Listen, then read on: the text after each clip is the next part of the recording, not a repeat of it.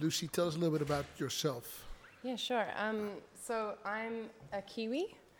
That's where the twang in my accent comes from. Nice. Um, and I've been here all seven jaren. Um, and I worked in the media industry a lot in New Zealand. I was on radio um, and film. And when I moved to the Netherlands, I actually started working for NGOs. So I worked for HIVOS, which is a big Dutch NGO on um, uh, political governance and innovation. And then I worked in a multi stakeholder initiative on sustainable fashion, but the really unsexy side of sustainable fashion. So, like supply chains and corporate social responsibility. It was very heavy. And I was living in Amsterdam and I was like, everybody's having so much fun working in advertising. Can't I just like take it easy? so I wrote a very complimentary letter to Victor Knaap at Media Monks, the CEO, and um, flattery is always a good entry point. And I became the global PR manager at Media Monks. Okay. Um, and that was my short, sh- short stint working within an advertising company. Now I have uh, my own thought leadership and PR agency called The Humble Brag, and we work with creative agencies. But I realized um, that there's a shift in the landscape where when I was at Media Monks, I started to write press releases about really purposeful topics like homelessness or diversity and inclusion. And because I'd worked in NGOs, I realized some of the language that I could actually bring some of that knowledge to this sector. But those topics were driven by the insides of Media Monks or because of your brain? No, no, they were they were driven by projects that they had. Cool. But I more no, it's more that I noticed the landscape shifting, and so um, I went out on my own, and I've been doing and building the Humble Brag for two years. I last week I announced that Jessica Hartley is the new managing partner, which is a pretty big deal. Congrats. She's a pretty big deal. Yeah. Nice. Um, and we work with a whole bunch of, of agencies, but also um, directly with brands like Tom's, and also um, we work with a lot of clients in Denmark. So yeah, it's, it's exciting. So, what is your core responsibility within the Humble Brag? What do you guys get up for every morning? Uh, so basically, because I worked in NGOs and I also worked in advertising, I understood that the business case for doing good is proven. It's actually a matter of willpower. And the difference um, between companies that are going to make a big impact and, and, and those that aren't is inspiring and bold CEOs. So the proposition is um, be a thought leader, be a bold and brave business leader. Um, not only because it's smart for your bottom line, but also because that's where Gen Z millennials are going to take your business anyway. But mostly because you have a responsibility to take a stand on social, cultural, and particularly environmental issues. So that's the business case for what we do. But on a personal level, I've also realized the business case just isn't enough anymore. And that's why we put on this event with Extinction Rebellion, because as individuals, we can do much more than what we can actually achieve within our jobs, I think. So, let's just take it back to the core. Yeah, sure. You're in advertising. Kind of. advertising is, well, let's, well, Right now, I'm in advertising. is based on selling as much products as possible Yeah. and making as much money as Yeah. pos- uh, as possible. Yeah. So, purpose, the, the, the, the, the, the word purpose has come into our lives over the last two, three years. Yeah. I've always felt that it's been chosen often to become relevant and therefore sell more products. Is that something you encounter as well? Of course, I think we've all seen that um, greenwashing, pinkwashing, LGBT washing. Anybody can have a purpose. Serving the best coffee every day is your purpose. I think it's valid, but I think the reason that businesses and that people want to buy from purpose driven companies is because we've lost faith in traditional institutions to be able to respond to our, like, you know, um, the big major pressing issues of our time. And that's why Patagonia, every time that they demonstrate genuine activism, their sales go up. Because as consumers, we feel like our power is driven through our wallet. Yeah, they're real. Yeah. They're real. Can you, can you give me one example of what Patagonia has done Yeah, sure. that you thought was just next level good? Um, well, I think that there's been a whole legacy of taking a stand. Um, I think that most recently I was quite impressed by their recent campaign. I think it came out only a week ago, and it was um, facing extinction, and it had the faces of a whole lot of people. But of course, there's also like "Don't Buy My Jacket," the, the campaign that that really got tell, told consumers not to purchase. I think they've closed their shops many times. um, and giving all the proceeds to their charities. I think what's amazing right now is that they're actually providing training spaces for an activist group like Extinction Rebellion. I know that they've even given their staff time off on Monday to go down and re- rebel. Wow. Um, legal training if they get arrested. Um, And they've done that worldwide. I'm not sure about worldwide, but they definitely closed all their offices worldwide for the strike. Um, yeah. So they're inspiration to Yeah, you. they are. And they're also the best example for you to put forward to any new corporation you're talking to.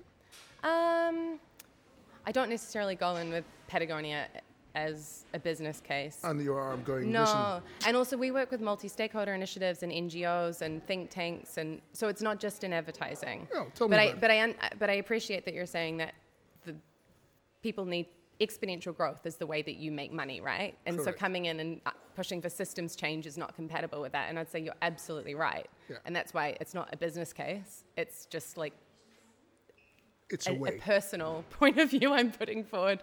Yes. Um, but because we're a thought leadership agency at the Humble Brag, and we're about creating PR, I can aff- and we're very small. I can also can, aff- can afford to be bold and brave. And Yeah. this is also because this is what I believe in. I'm genuinely terrified about what's happening.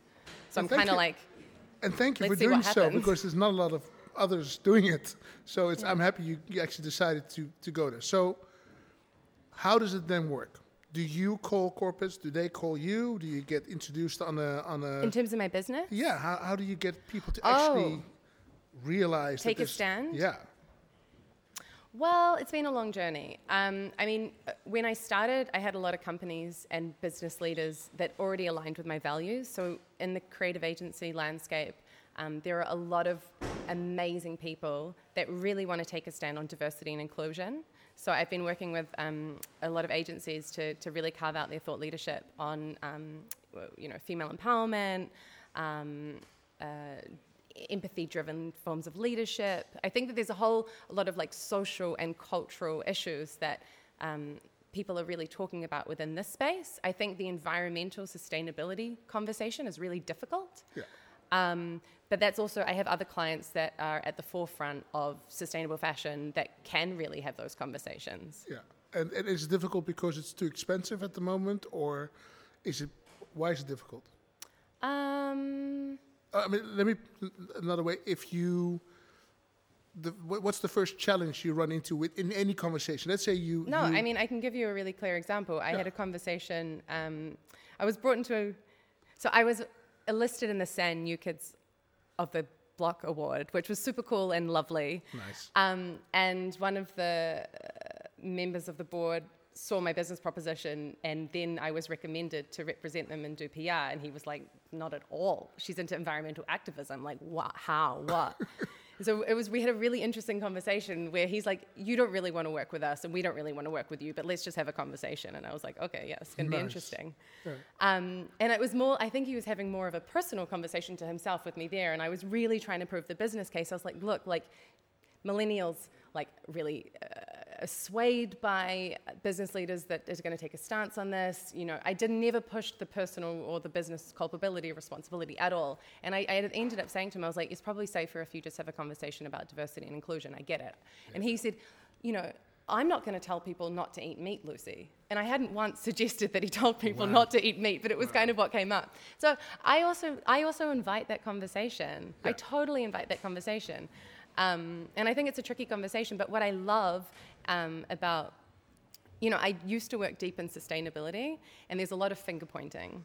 There's a lot of how can you, like uh, how sustainable are you? What brand are you wearing? When did you last wash it? Uh, Did you drink a bottle of Coke or whatever? Um, and there's also a lot of uh, Well, you don't have to worry about that in advertising. They'll no, it's very freeing. No, uh, and there's also a lot of terms like uh, circular economy specialist and this type of certification, and and and basically it kind of in, it, it forces all us all into a situation where we feel a not sustainable enough and Yeah. not good enough. Yeah. We're not being good enough citizens, and we feel guilty, and we feel crit- critical of others, but also of ourselves. And it also um, Which works crippling. and it, and it basically just means that collectively we're pointing the finger at each other when actually, since 1988, 100 companies have re- been responsible for 70% of CO2 emissions. So collectively, I think we need to come together and say, yes, individually, we can, we can definitely make a change. We can stop flying, we can stop eating meat. But actually, at the end of the day, there are big companies that are probably being subsidized by a lot of governments that collectively we can just stand up, and that's where our energy should be going. Otherwise, we're going to be finger pointing, and, and the Netherlands will be flooded. So, when you when you decided on the humble brag, is it a company that will always remain active, or are you working towards an end goal where your work is done? Look, I mean, so, so when you, I've worked in NGOs before, right? So you Yeah. always say, I'm here to put myself out of business. Yes. Right? Um, I want to survive Yeah. like, as an individual. Yeah. Um, I'm really genuinely concerned about. w- We've got such a short amount of time to be able to control climate change. What's short? From uh, 18 months before it's runaway, before we reach a tipping point where we can no longer keep uh, the heating climate within control. Hold, hold up, eighteen months, Legit. year and a half, Mm-hmm. and then what? Um, well, I've invited someone else here who's, who's closer to the science, but um, I mean, all so the IPCC, the International Panel for Climate Change, um, which is the most um, respected and revered and rational and reasonable science, every single prediction that they have made has just been blown out of the water, and scientists can't keep up. So 70% of the Arctic has already melted, and and we- we don't know what's going to happen. Is the honest answer, and I think. Um, uh, yeah, I think it's really scary. So it's, it's not I'm like- necessarily that I have a business case for all of this. It's just that, you know, I have a really small agency. We have the freedom to really stand up for our values. And God, if no one else is going to do it, we'll do it. Okay, fuck. So let's get to work. So, Yeah. so then, so what? What, what do yeah. I do? So, um, well, what I, I wasn't able to necessarily show everything tonight, but I wanted to show you that um, uh, Extinction Rebellion made a call to the creative industries in May, and it was a letter published in The Guardian that said, um, you should Google it, but it said, Dear leaders of the creative industry, um, you know, you have a responsibility, but also you have the power as, as innovators, as inspirational storytellers, as those that reach the mass media to communicate the truth, the truth about the climate science. And, and will you step up and do that? And then uh, I was in Cannes this year at the Festival of Creativity with Jess, and we witnessed uh, an activist protest on um, the pink carpet, I guess. And uh, the next day we were by the pool, because you know, course. Cannes, Cannes. Cannes are jolly right. I get it. and um, we got an alert that the drum was going to do an interview with Extinction Rebellion protesters, and I was like, "Hang on, that's cool. Like, I want to hear from them totally." So we ran down, and it was. Um, I already thought that I was part of the solution with my business. Yeah. You know, I was like, I've got all this knowledge about these issues. I'm trying to encourage business leaders to be more outspoken. And so I went up to this Extinction Rebellion activist and I was like, oh, I really, I love what you're doing. Here's what I'm doing. And he was like, no, like you're part of the problem. Like the, you're part of the problem. We're all part of the problem. It's a toxic system. You need to collect. You need to kind of be more humble, join forces with us, and um, and truly challenge things. Because it's just like change is not going to happen fast enough. So that was a real trigger point for me. And then what was really interesting was that the industry in the UK responded. So um, there is something called the Creative Climate Disclosure, which more than 80 agencies worldwide have signed in response to this demand from Extinction Rebellion. And what are they signing to? They're signing to be transparent about where their money comes from, Ooh. based on industry. Okay. So this is basically creating a space to identify fossil fuel and high carbon clients, and and more. I mean, transparency isn't is only transparency, right? Like it's not accountability, but it's more to trigger people to start to think about, well, where does my money come from? What am I actually supporting? Yeah. Um, and the other thing was that just before the climate strikes, uh, there's an initiative called Create and Strike, and Wieden and Kennedy, Droga 5, BBH, a whole lot of big agencies came out and um, basically committed to giving all of their staff time off to go and participate in the climate strike, but also to create creative messages. They did. And they did. And then so on September 18th, Jess and I approached Alex Weller at Patagonia and said, "Hey, Alex, um, no one seems to be doing anything here in Amsterdam about this. Whereas it's it's a really like a hot topic in the UK. We want to put on an event with Extinction Rebellion. Are you up for it?" And he said yes. And so we put on this event. And we thought maybe 50 people would come. We actually initially wanted to do it invite only. So we sent one guy it was the morning before we were sending out our email, our uh, invitations, and we did did it all by email because I don't know why we thought that we could control. That basically, what happened was that the first guy that got the email sent it to his entire agency, and by ten o'clock, I'd had 60 RSVPs from one agency, and I was like, "Oh shit! Like, Yeah. what have we done?" And you asked for inclusivity. That's that's what it, Yeah. that's what it means. Yeah. Everybody so, fucking comes. So we had to turn down like 300 people to this event. We hosted it at Patagonia. We had 140 people there. Um, and, you know, but it's great to host an event, but then what? And so we launched uh, this platform called um, Creatives for Climate Amsterdam. 20 agencies signed up to declare a, a climate emergency, but also to sign on to those previous initiatives. So we wanted them to walk the talk. And ADCN also declared a climate emergency. And that was only a week ago. Congratulations. Yeah, well, you know, and then we, you and I met at ADCN. We, Yes. There was a room there with Extinction Rebellion. I so signed. It, it's starting to, people are kind of hearing about it. You invited us here tonight. And so But I, get- but yeah. I, I need do I need due points. I need you to yeah, tell me all right, I've got them for you. Okay. what should I do. Uh, join bigger movements. Don't try and be the superhero. Don't try and be the person that will save the climate crisis on your very own, your brand, or your agency, No, or you as an individual.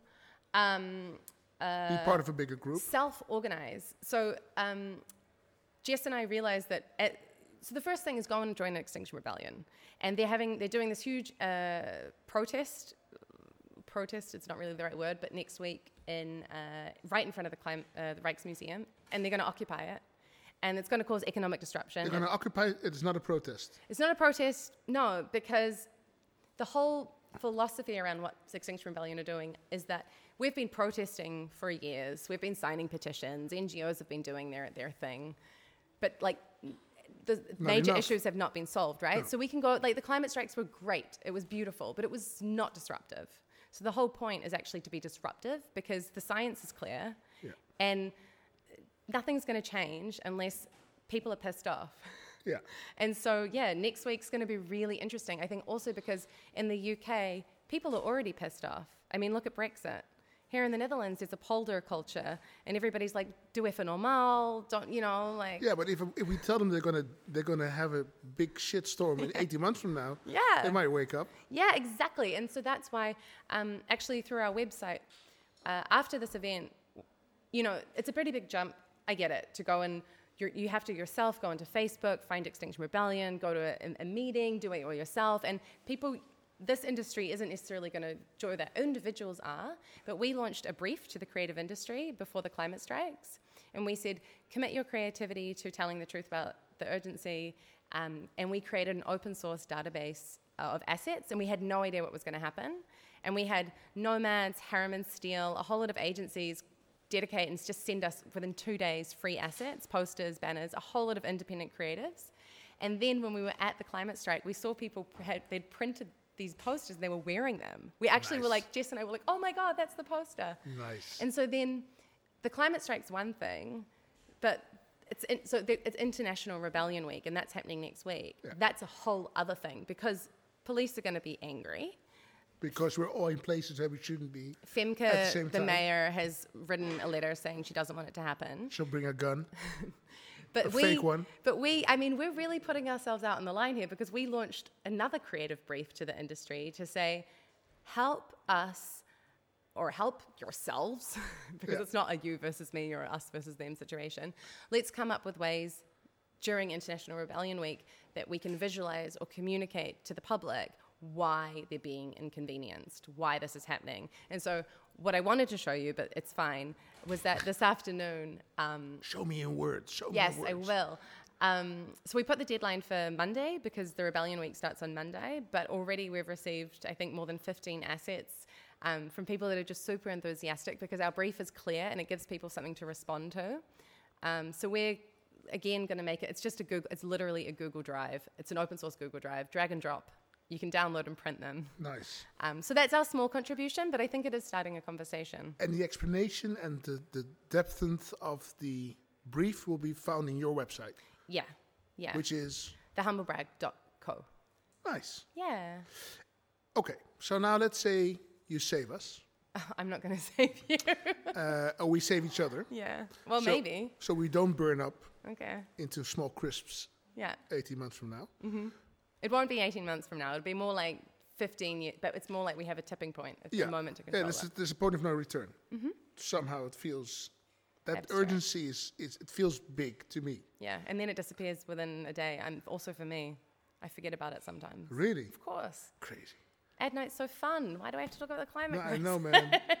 I stopped drinking 18 months ago. I know exactly what awareness is. Okay. This is like holy shit. Anyway, so okay, so now we've we've gone to that point. So we've all stood up. We've done, you know, as much as we could. Then, then what? Then do we do we face another? Do you see other things coming that we're that you're not telling us yet? I mean, look, I.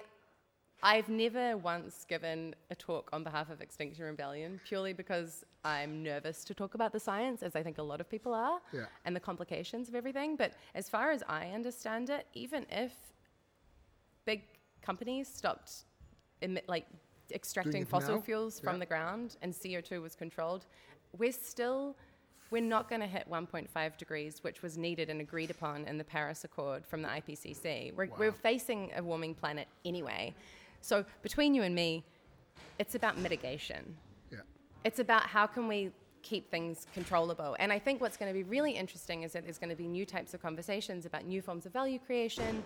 I think that you know exponential growth might be questioned. I think that um, yeah, a whole lot of innovation is going to have to happen, but more than that, willpower.